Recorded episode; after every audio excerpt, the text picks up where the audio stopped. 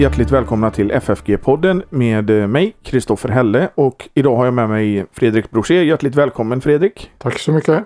Vi ska tala om Jesus som själavårdare idag. Innan vi går in på det så ska vi säga att vi, församlingsfakulteten fyller 30 år i år. Du har varit med nästan sedan starten Fredrik va? Ja, ju- just det, sen vi, det var på Vallgatan så att eh, Ja. jag kan överblicka hela, hela historien. Precis. Och vi har ett 30-årsfirande som kommer vara den 11 november med föreläsningar här.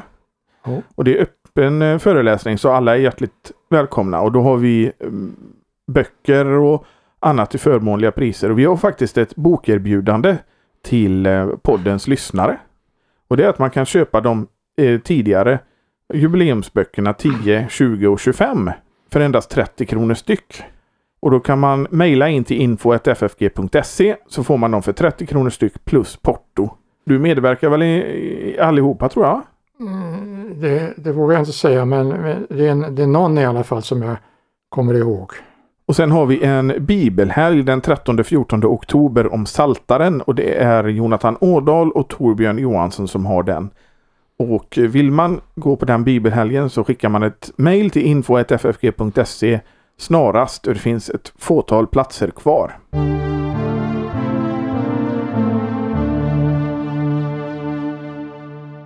Ja Fredrik, Jesus som själavårdare är vårt ämne idag. Ja, och, och man kan kanske säga att själavårdens viktigaste och yttersta fråga är hur ska jag bli frälst? Hur ska jag komma rätt i, i tid och i evighet? Eh, och då är det en oerhört viktig fråga också i den miljö som Jesus verkar i. Och på tre ställen i evangelierna så kommer det människor till Jesus och ställer den frågan. Eh, så det är tre olika människor, tre olika situationer och det som är så spännande det är att Jesus ger tre olika svar.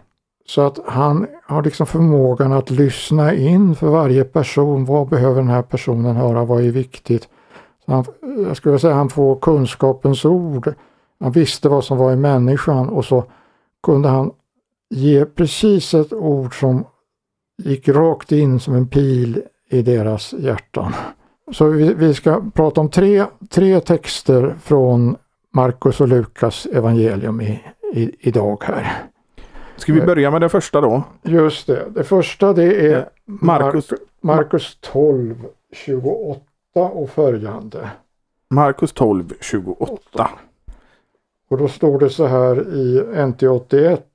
En av de skriftlärde som hörde dem diskutera märkte hur väl Jesus svarade och så kom fram till honom och sa Vilket är det viktigaste budet av alla? Jesus svarar, viktigast i detta hör Israel, Herren vår Gud, Herren är den ende Gud, Gud är den enda guden.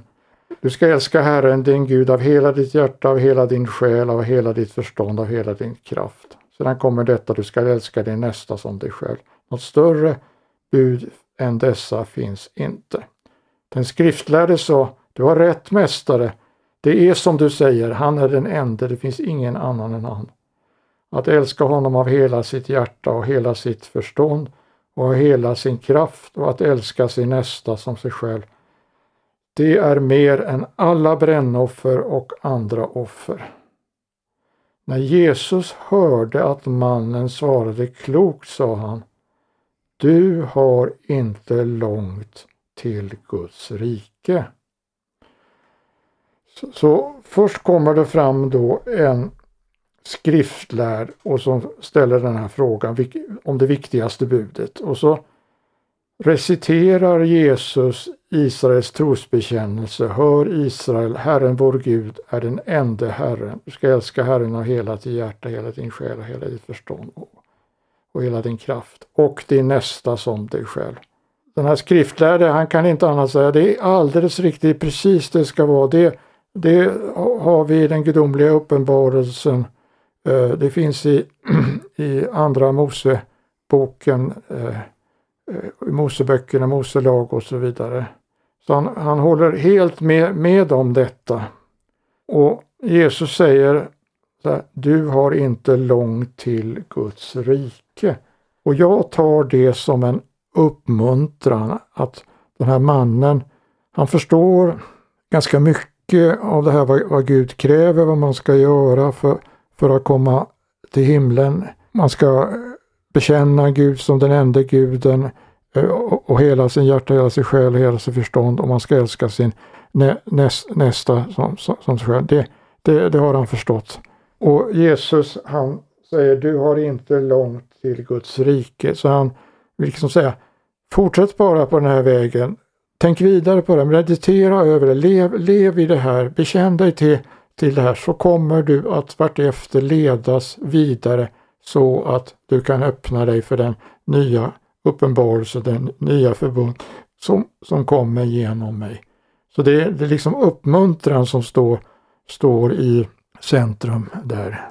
Och då tänker jag att uppmuntran är ju en oerhörd bristvara i våra mänskliga sammanhang, i, i våra församlingar och på våra arbetsplatser och, och så vidare. Jag skulle säga att de flesta människor de far omkring som rastlösa läskpapper och bara längtar efter att suga till sig uppmuntran. uppmuntra. Eh, vi sjunger ju en psalm i psalmboken också. Ett vänligt ord kan göra under, det läker hjärtats djupa sår. Det är en tröst i mörka stunder, en hand som torkar ögats tår. Och så fortsätter med något att det, att det är himlabud, en hälsning ifrån Herren Gud. Alltså ett vänligt ord, uppmuntra. Eh, och särskilt i början på den kristna vägen så så är man ju osäker, man känner sig mindervärd, man förstår inte så mycket, andra förstår mycket mer, andra kommer mycket längre, andra vet mer vad som står i Bibeln, eh, andra känner till mer hur det går till i kyrkan och i gudstjänsterna. Eh, och, och, och, och, så vidare.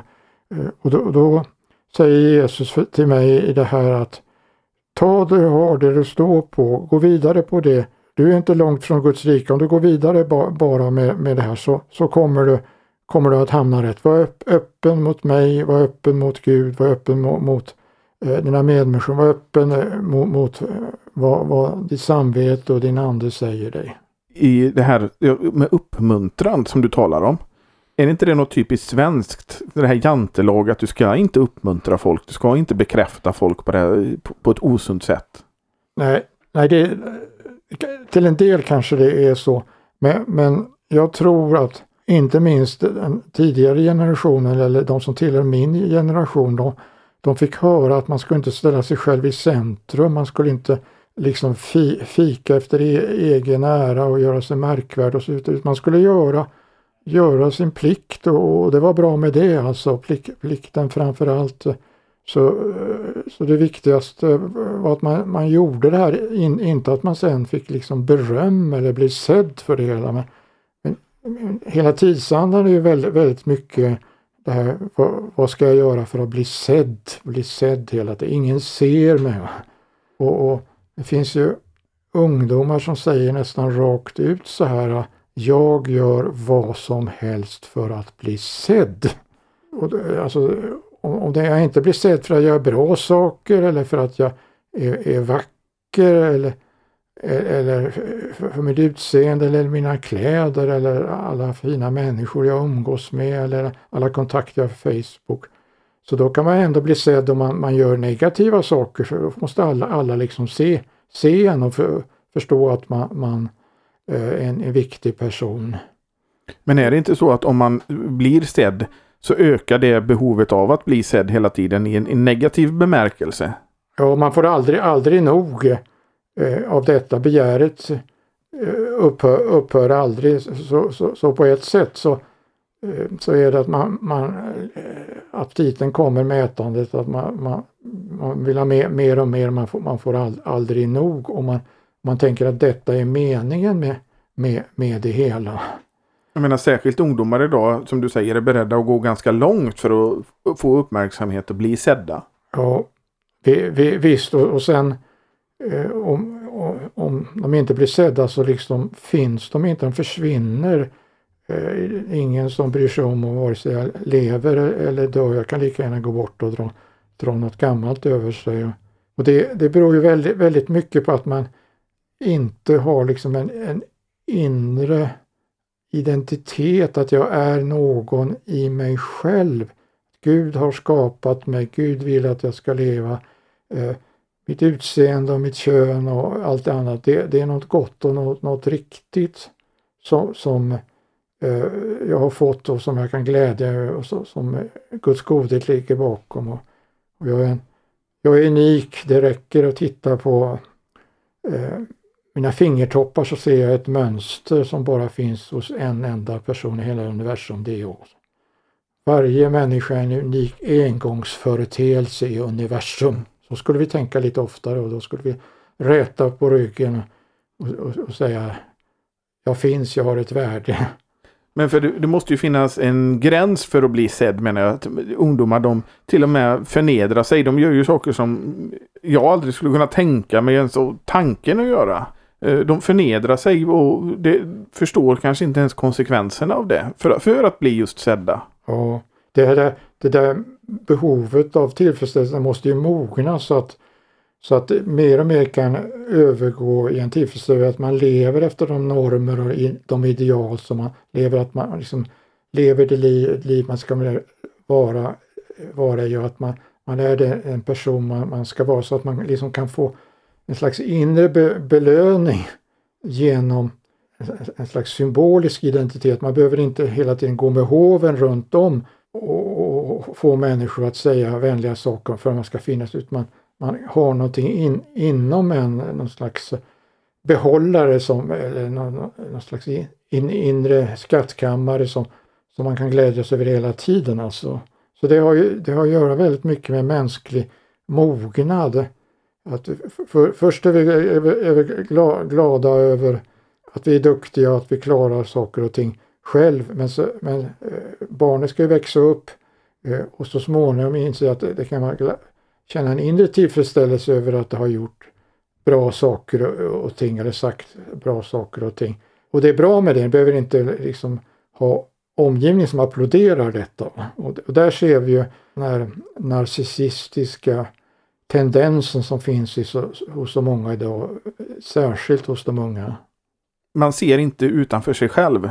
Nej, på, på, på, på, ett, på ett sätt gör man inte och på ett annat sätt så ser man bara utanför sig själv. Att, att se på de andra, betraktar de mig, hör, hör de nu, nu, nu på mig. Man lägger liksom hela sitt värde i vad de tycker om en. Va? Man lever sitt liv genom andra helt enkelt. Ja, ja på det sättet le, försöker man ju leva, leva sitt, sitt liv genom annan, andra. Det är spännande med Bibeln för på flera ställen, särskilt i Ordspråksboken så talar det om att begäret blir aldrig mättat, eh, som du var inne på här förut. Att ju, ju mer tillfredsställelse man får, desto mer begär man. Och man begär alltid det man inte har. Så, och det finns alltid något som man inte har. Det finns en klassisk eh, exempel i svenska litteraturhistorien. Det är August Strindberg i ett drömspel så har han en, en person som som går och eh, väntar på han skulle, skulle få ett grönt paraply. Det var det han längtade efter. För mig det var det. Och så får han ett grönt paraply och så när han får det här gröna paraplyet så blir han ändå besviken. För det var inte den rätta gröna nyansen. Så i all tillfredsställelse så finns det liksom en gnutta otillfredsställelse. Det kunde varit lite mer perfekt. Det kunde varit mer, mer. Så tror man att det finns någonting i världen, i det världsliga, det timliga som kan tillfredsställa detta, eh, det här begäret. Men det finns det inte utan eh, enligt Kristus synpunkt så måste det här begäret efter att identifiera sig genom något mänskligt eller en mänsklig relation så småningom avta och till och med dö för att en ny människa som har sin, sin identitet i Kristus, nådens identitet i Kristus som är fullkomlig därför att han fullgjorde vad vi borde och blev vår rättfärdighet som, som vi sjunger. Jo, för det är ju det. Den gamla människan, den som behöver det här, eller som tar emot beröm och, och bekräftelse, den behöver ju dö undan. Ja, och det, det, det talar man inte så mycket om. Eh, man, kom, man kommer liksom inte dit utan man nöjer sig med Gud, Gud älskar dig, du är god, du kan komma till Jesus, du, du, kan, du kan vila hos honom. Och det, det är gott och viktigt men efter det så så börjar ju Gud dra åt tumskruvarna och skärpa samvetet. Hur, hur, hur är det nu med dina tankar? Hur är det med din vrede, din sexualitet? Hur, hur är det med eh, det här söka e, egen ära? Finns det kvar hos dig och så vidare? Och, det är ju då det kommer till en slags kris när man ser att har ingenting eget och man hamnar i det som fäderna kallar för andens fattigdom. Eh, och det är också trons utgångspunkt att jag, det enda som kan rädda mig det är att jag sträcker ut den här hand i den här tomheten efter Jesus så jag får del av han, hans rikedom då. Men just det här med bekräftelse, att en människa som mår dåligt och sen börjar få bekräftelse och uppmärksamhet så kanske det här dåliga måendet för stunden försvinner. Men när den här uppmärksamheten tar slut så kommer det tillbaka. Det, det liksom löser inte det som är problemet. Nej, det, det är som en familj när ett barn växer upp. Då, då måste, ska du ha mycket, mycket uppmuntran. Eh, men sen vartefter måste du stå på egna ben. Det lämnar, lämnar pappa och mamma och den uppmuntran. Älskade fa, moders och faders blicken och så vidare. Så ska stå på, på egna, egna ben och klara det därför att det har med sig den här känslan Och, integritet i, i sitt inre. Va? Så, så, så, det som sker i varje människas liv, det ska ju ske i det kristna livet också. Att, att eh, man inte blir beroende av de här yttre limstickorna och, utan kommer ensam in, in inför eh, Herren med, med, sin synd och skuld och, och så samtidigt eh, åberopas på det här löftet om, om förlåtelse och liv och, och salighet i Kristus. Ett nytt liv i Kristus genom den heliga Ande. Det som Jesus eh, säger här, det kallas ju för Shema Israel. Ja, just det. Och jag tänkte kanske vi kunde bara nämna det med Israel lite att man ska nog inte tro att det är dagens Israel man talar om när Jesus Nej. nämner detta. Nej, när, när Jesus verkade så hade ju judarna ett politiskt messiasideal. Messias var befriaren, en slags Che Guevara som skulle komma och göra uppror mot romarna, besegra romarna, köra ut romarna och göra Israel fritt det, i det land som de eh, bodde i. Så de knyter ju eh, med Israel till landet väldigt mycket. Men sen när vi ser Jesus kommentera det här politiska messiasideal så bryter han ju helt med det och hans Messias ideal, det är den lidande messias i Jesaja 53. Han som var slagen för våra synders skull, sargad för våra missgärningars skull. Men det var våra synder han bar, våra missgärningar som han tog på sig. Så, så att Messias skulle vara en, en lidande, försonande och han skulle segra över synd och skuld och alla on, onda makter. Det, där ligger hans eh, betoning på detta. Och det, det, är intressant att se när Jesus har dött och han har uppstått så, så tänkte lärjungarna att de frågade då i, i Apostlagärningarna är tiden nu kommit Herre att du ska upprätta Israel och då tänker de på landet. Och då är det så intressant och betecknande att Jesus säger eh, ni ska få kraft från höjden, helig ande ska komma eh, och, och, och, ni ska bli mina vittnen i, i Judeen och Samarien och över hela världen. Så att han talar inte alls om något land eller något territorium utan han talar om att eh, de genom den heliga Ande ska kunna framställa Guds kärlek i Kristus Jesus så att eh, de vinner människornas hjärtan så att det ska vara liksom ett, o, ett osynligt andligt rike, det här med Guds rike. Eh, och, och, det konstituerar det nya Israel. Eh, och på, på det sättet så, så är det kyrkan det nya Israel. Och sen diskuterar man ju väldigt mycket eh, vad det betyder att, att Gud kan inte ångra sina löften och sina, sina förbund till Israel och, och, och så vidare. Men det, det, kan vi lämna eh, åt, åt sidan i det här. Men, men att, att det är liksom ett andligt rike. Guds rike är eh, mitt ibland er. Guds rike är invärtes eder, säger, säger Lukas berättar Lukas i, i det sjuttonde kapitlet. Och de hade väldigt, väldigt svårt att förstå, förstå det men ju mer man eh, studerar där så, så ser man hur, hur viktigt det var. Alltså det var tro, genom tron som, som vi kommer in i, i det här riket. Eh, och i, i förklaringen till den andra trosartikeln om Jesus Kristus så säger Luther på det att vi ska vara med honom, bli i hans rike, eh, uppstå så som han är uppstånden från de döda. Vi ska leva i Guds rike redan här och nu så som han är uppstånden från de döda. Och, och, det blir något helt annat att tänka sig att Guds rike har kommit redan, det finns redan här idag. Herrens dag, Herrens seger är redan vunnen en gång, Jesu död också. Jämfört med att då väntade på den yttersta dagen, Herrens dag som det, som det står talat om i Gamla Testamentet, som, som judarna gör. Att nu, på den yttersta dagen, då, då ska liksom Guds, först då ska Guds rike eh, bryta fram. Va? Men här kan vi då konstatera att Jesus är uppmuntrande till den här Ja, just det. Så, så upp, uppmuntran, det, det är det första tror jag som, som Jesus vill att vi ska förmedla i själavården. Ska vi gå på det andra stycket då? Ja, det andra stycket det är Lukas 10.25. I Lukas 10 så, så berättas det om en lagörd som vill sätta Jesus på prov. Och det är vers 25 och följande. Mästare, vad ska jag göra för att vinna evigt liv? Där har vi den där frågan som är vårt tema i podden idag. Jesus sa, vad står det i lagen? Hur lyder orden? Och då svarade den laglärde, du skall älska Herren din Gud av hela ditt hjärta och med hela din själ och med hela din kraft och med hela ditt förstånd och din nästa som dig själv. Jesus sa, det är rätt, gör det så får du leva.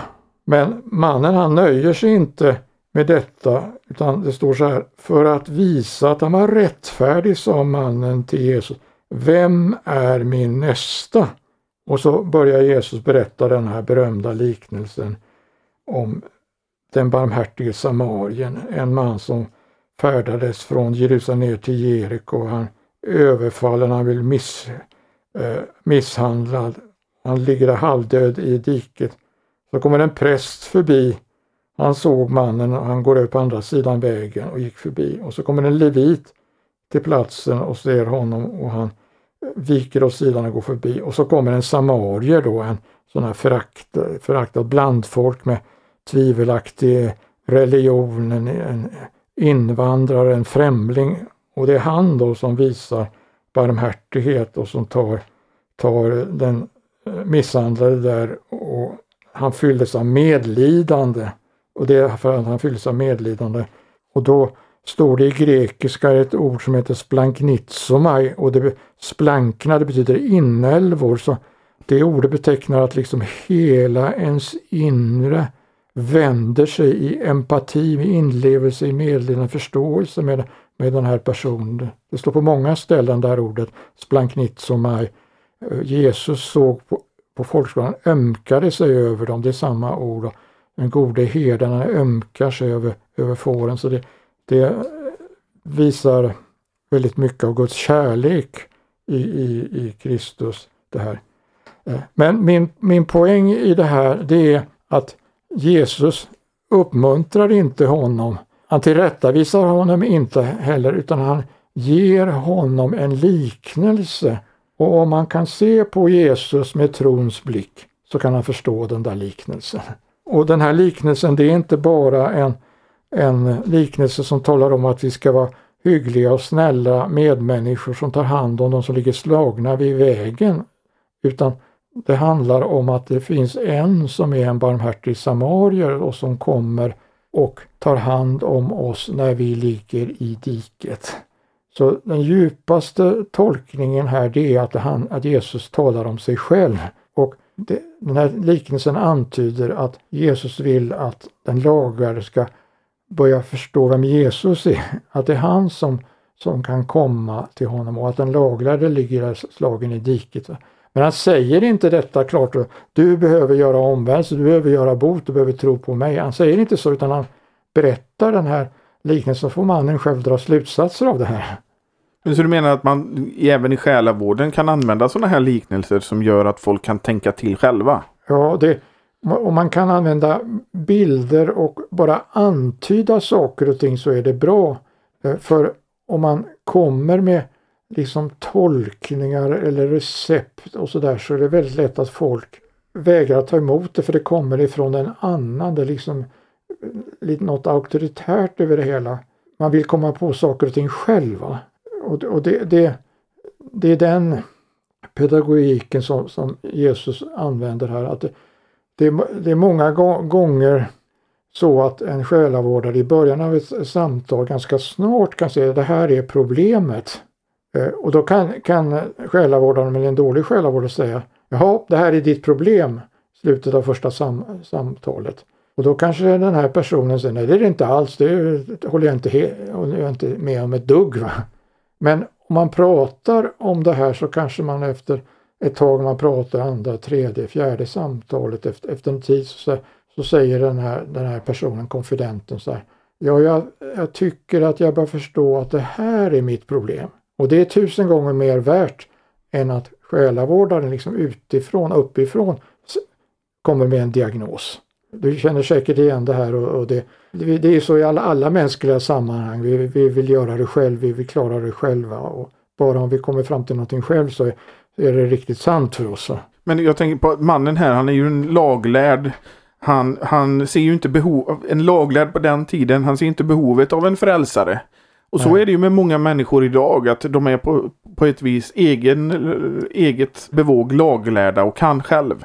Ja. Den gamla människan kan själv. Ja. Och ser inget behov av sin frälsare. Och det är väl någonting som Jesus vill komma fram till här. Att man har ett behov av någon som kommer till dig.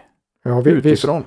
om, om, vi, om vi går i närkamp med oss själva och lär känna oss själva så kommer vi mer och mer att blick, blicka in i saker och ting som är mörka, destruktiva, som, eh, där det är väldigt eh, självupptagenhet, sökande efter självförhärligande, eh, det, det som vi var inne på alldeles nyss här.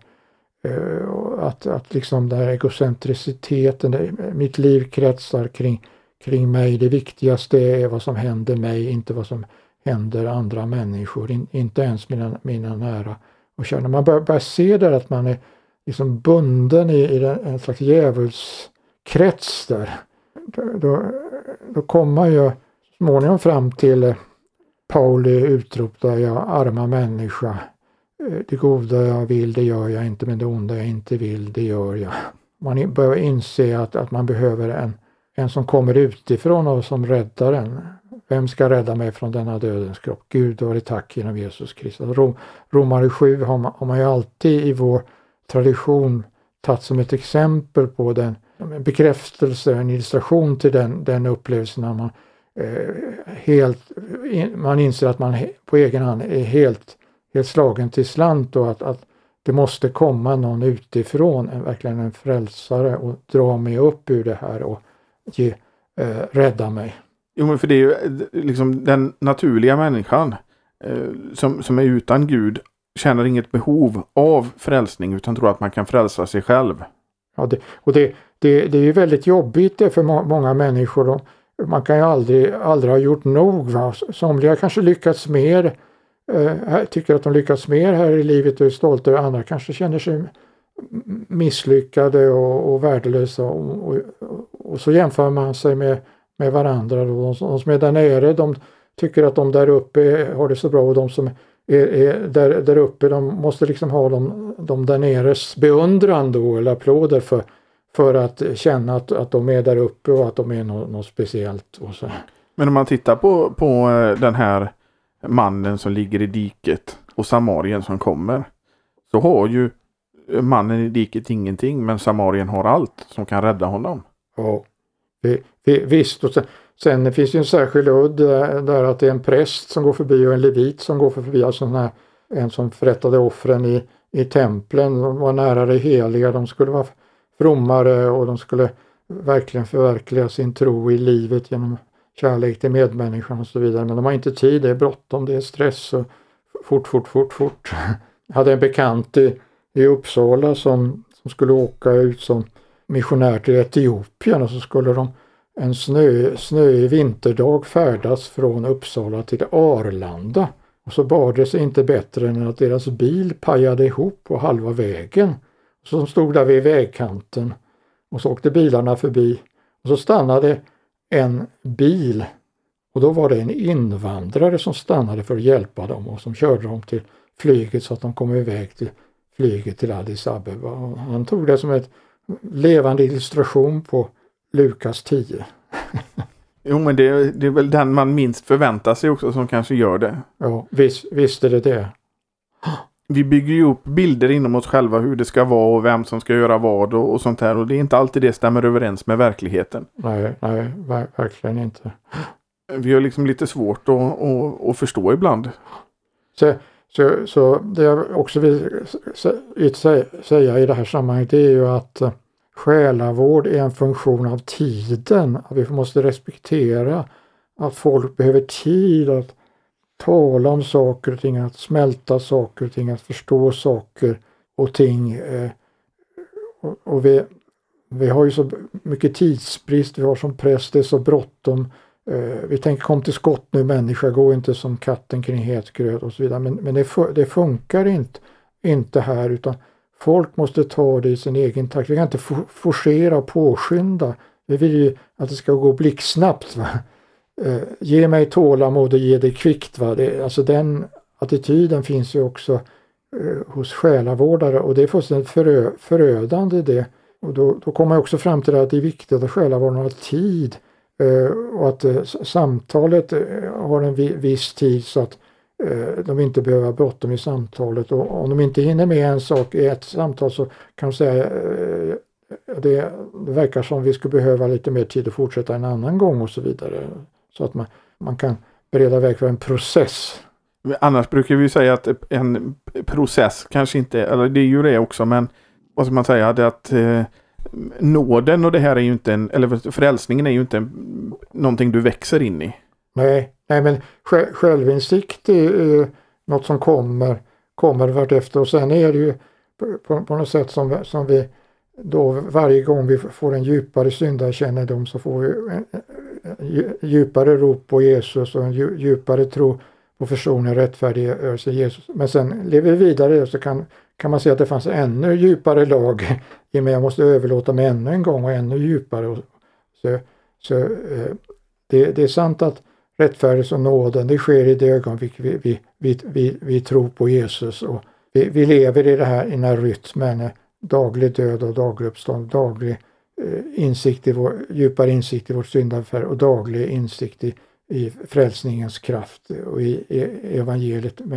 Och det är i den rytmen som, som vi fördjupas då vartefter som, som det sker en, en andlig process hos oss, då, helgelsen som vi kallar det. Då. Ja, det är just det att hel, helgelsen kan, man kan säga att helgelsen kan fördjupas då ju, ju längre den går. Ja, just det.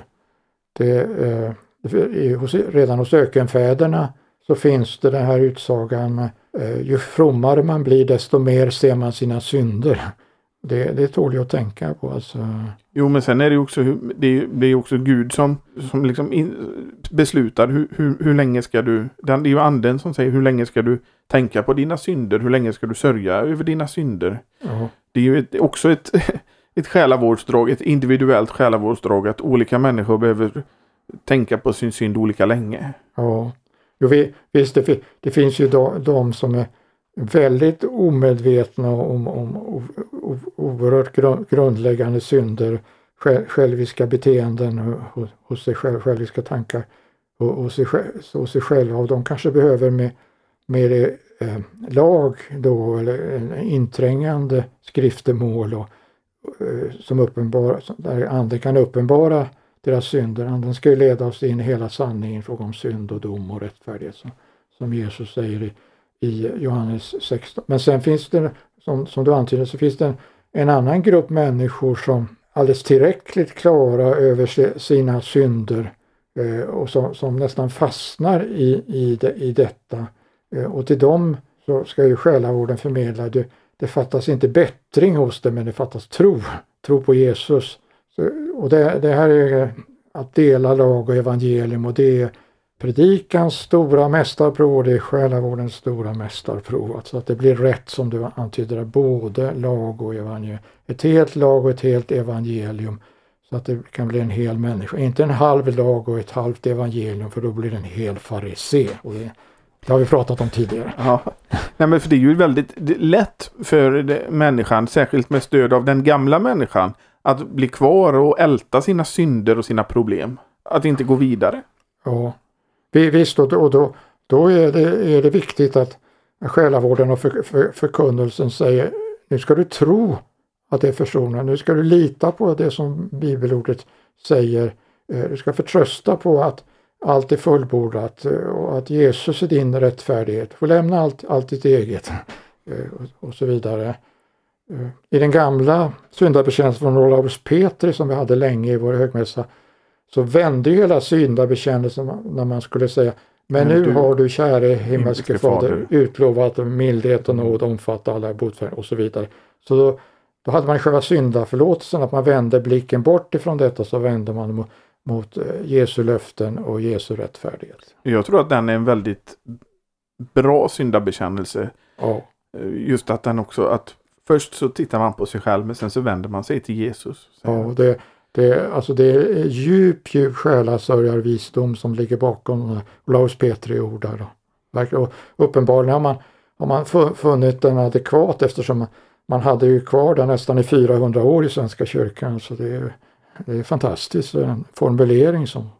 Jo men det, det är också det kanske att just att den här att inte se hela fördärvet späs på av att inte ha en riktig bekännelse. Ja, ja visst, visst. Och det är ju då att om du inte har en sån bekännelse som den här Olaus Petris bekännelse så är det ju kanske svårare att se behovet av den här frälsaren som kommer. Ja, ja visst. Och, och jag tyckte alltid när vi använde den syndabekännelsen att det var gott att säga jag är fattig syndig människa och sen var det gott att komma det. Men nu har du, men, men. Men det vi kan lära oss av, av Jesus här det är ju då att Jesus också får oss att eh, komma fram till våra egna slutsatser och försöka att komma fram till vad som är problemet. Ja visst, då.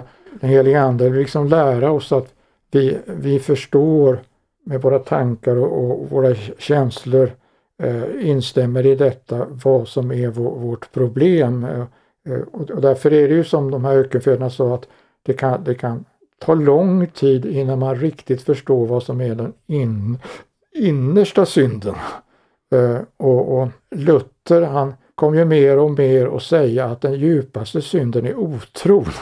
Och det, det, det, kan man bara förstå om man har gått hela den här vägen. Att, eh, verk, eh, verksynder i gärningar, eh, tan, eh, eh, i, i ord och tankesynder och så vidare. Man ser, men så ser man bak, bakom detta finns någon märklig lust att vända Gud ryggen, att, att inte, tack, inte tacka Gud, inte ära Gud utan jag ska stå i centrum. Otro alltså. Mm. Jo men det är bara till att gå till första budet så förstår man att man klarar inte det här själv. Ja, just det. Ska vi gå vidare till, till nästa ställe då Fredrik? Och det är Markus 10.17 och det är ju ett väldigt känt ställe om den här eh, rike ynglingen. Ja just det. Du, du kan väl läsa, eh, läsa det så. När Jesus fortsatte sin vandring sprang en man fram, föll på knä för honom och frågade Gode mästare, vad ska jag göra för att ärva evigt liv?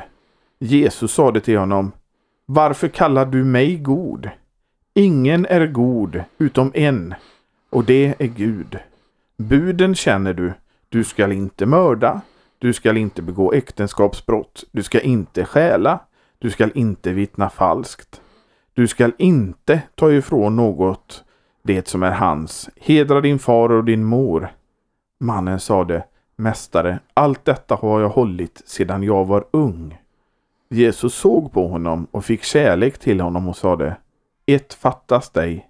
Gå och sälj allt vad du äger och ge det åt de fattiga. Så skall du få en skatt i himmelen. Och kom sedan och följ mig. Vid de orden blev mannen illa till mods och gick bedrövad sin väg, ty han ägde mycket. Ja, det, det är många som har känt sig träff, träffade av den här texten. Franciscus drabbades av den och många andra har, har, känt hur det här går djupt, djupt under huden. Eh, det som jag skulle först vilja stryka under det är att det står uttryckligen Jesus såg på honom med kärlek. Så han känner det här är en sympatisk, det här är en fin ung man. Uh, han, han, han vill, vill verkligen väldigt mycket. Han vill vara, vara hängiven och le, leva upp till Guds vilja. Eh, det fanns jättemycket fint hos honom och, och liksom Jesus såg på honom med kärlek. En sympatisk person är det här. Va?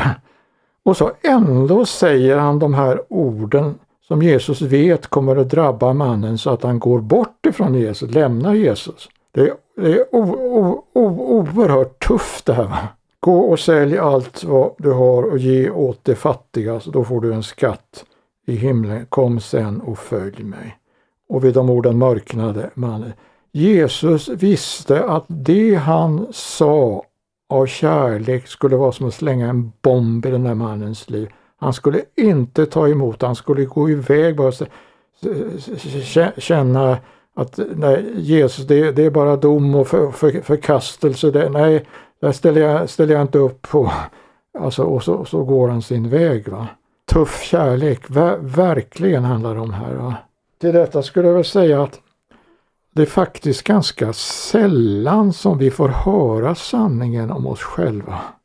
Vår fru eller vår man eller våra barn, sådana som älskar oss, kanske, kanske säga sanningen. Vi, vi kan hålla med dem och säga att ja, det, det ligger mycket i det och vi kan känna, känna oss träffade och, och skratta, skratta till därför att det är så precis på, på pricken. Va? Men eh, därutöver så, så är det väldigt sällan som, som eh, den riktigt stora sanningen drabbar oss och, och, och, och, får oss att omvärdera hela våra liv. Och, det, här, det här kan ju bli ett, ett problem i själavården om själavårdaren känner ganska tydligt att det är här skon klämmer. Men det går inte att komma in på det, det går inte att prata om det här. Konfidenten tar in, vill inte lyssna på det örat eller ta emot det här då. Och då, då, kan man känna sig fruktansvärt misslyckad som, som själ, själavårdare i detta.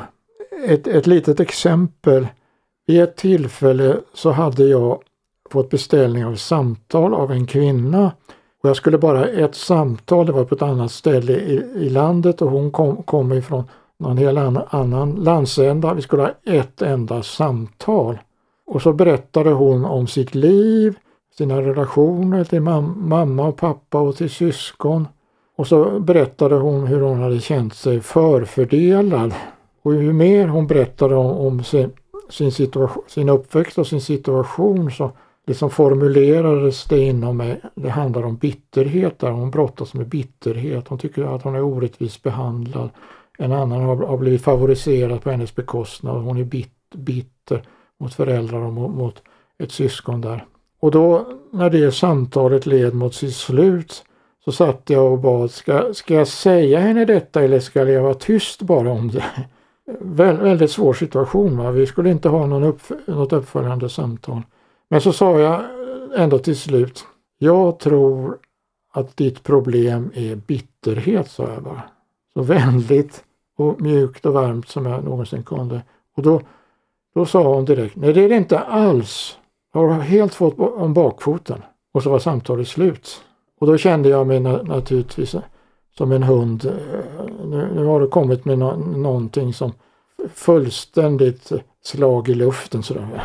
Men jag kunde ju bara be, be att det här på, no på något sätt ändå skulle eh, landa hos henne. Och sen fick jag till min förvåning, min stora förvåning, två, tre veckor sedan ett brev ifrån henne och det var skrivet med rött bläck.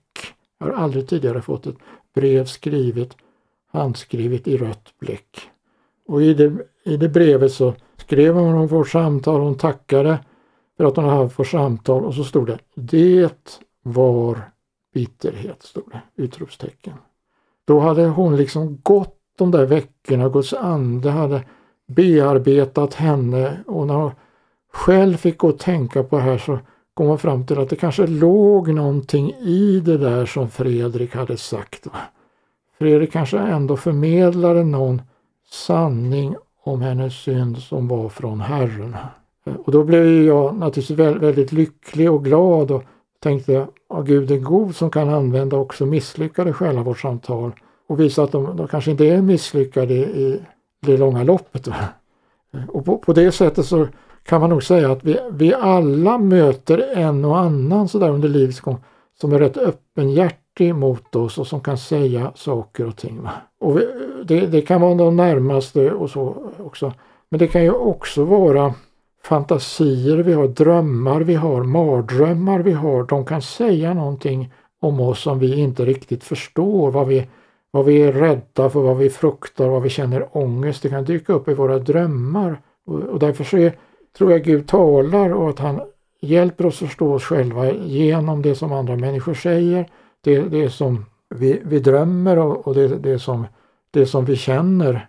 Och, och, och, och så kan, kan vi plötsligt lägga ihop två och två och så se ett mönster där.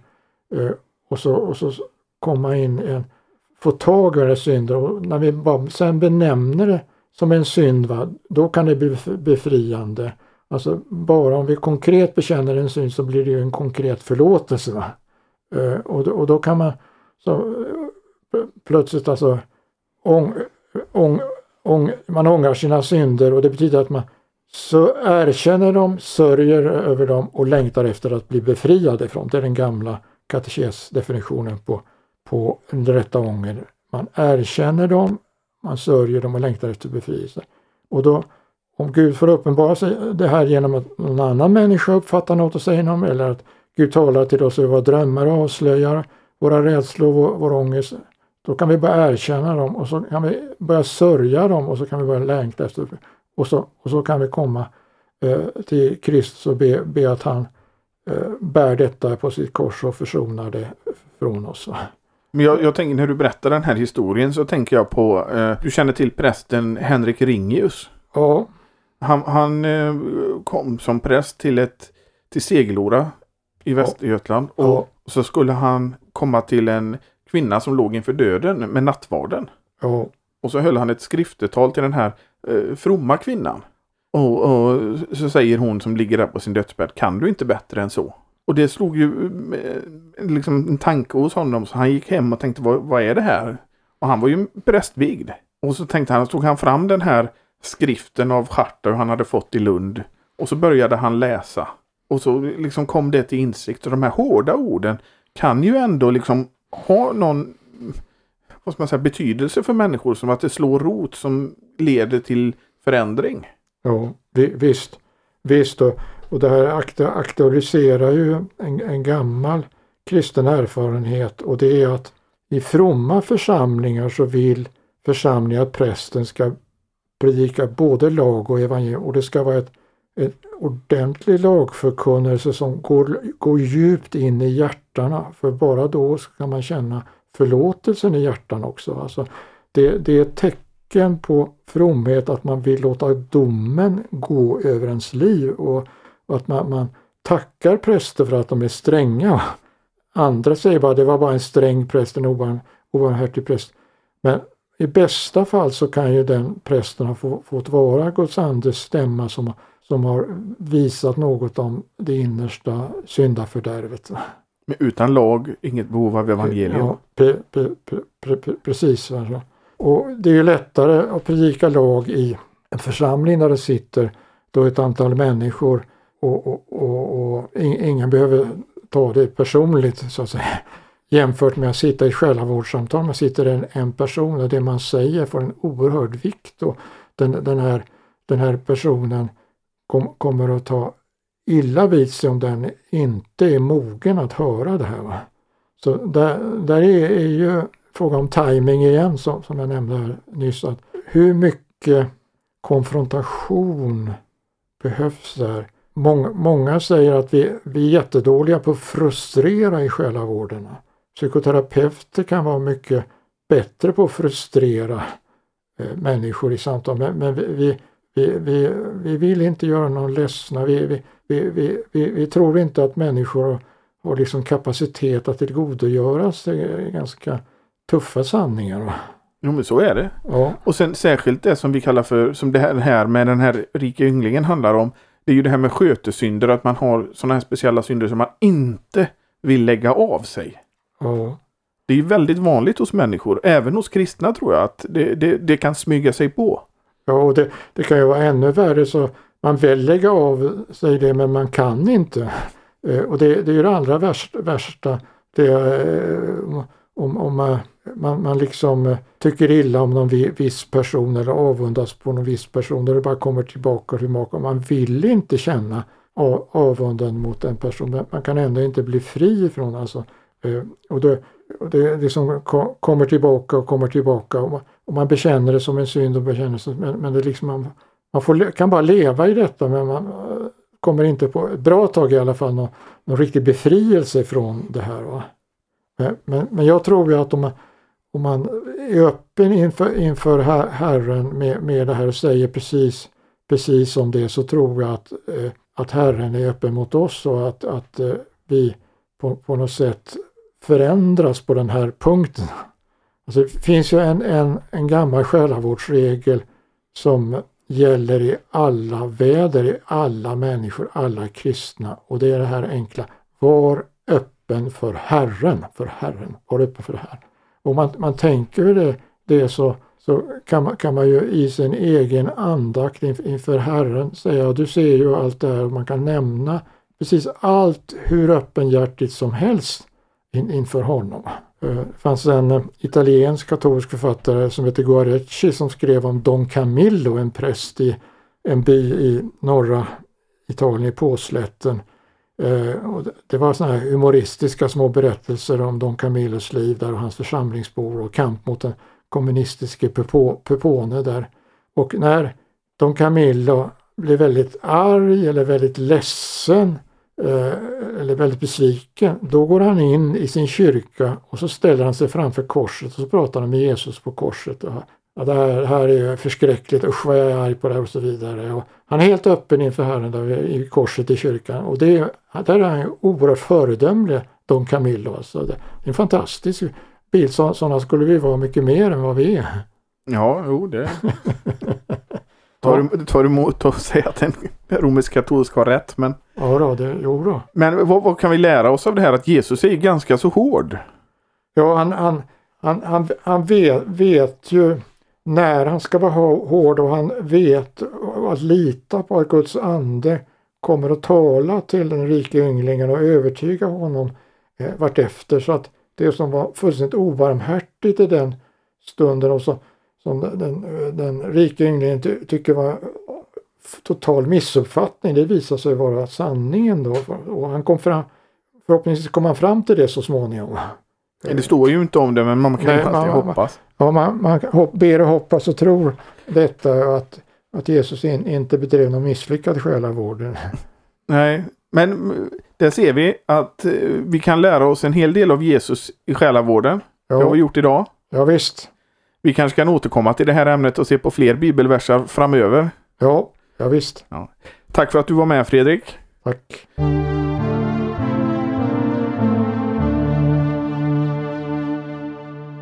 Vi påminner att eh, den 11 november, 11 i 11 klockan 13 så har vi 30-årsfirandet med öppna föreläsningar. Hjärtligt välkomna hit till församlingsfakulteten. Vill man ge ett bidrag till eh, den här podden så församlingsfakultetens arbete gör det gärna på Swish. Numret är 123 100 8457. Så märker man det med FFG Gåva eller FFG Podcast. Vi säger tack för idag och hörs igen nästa vecka. Hej då!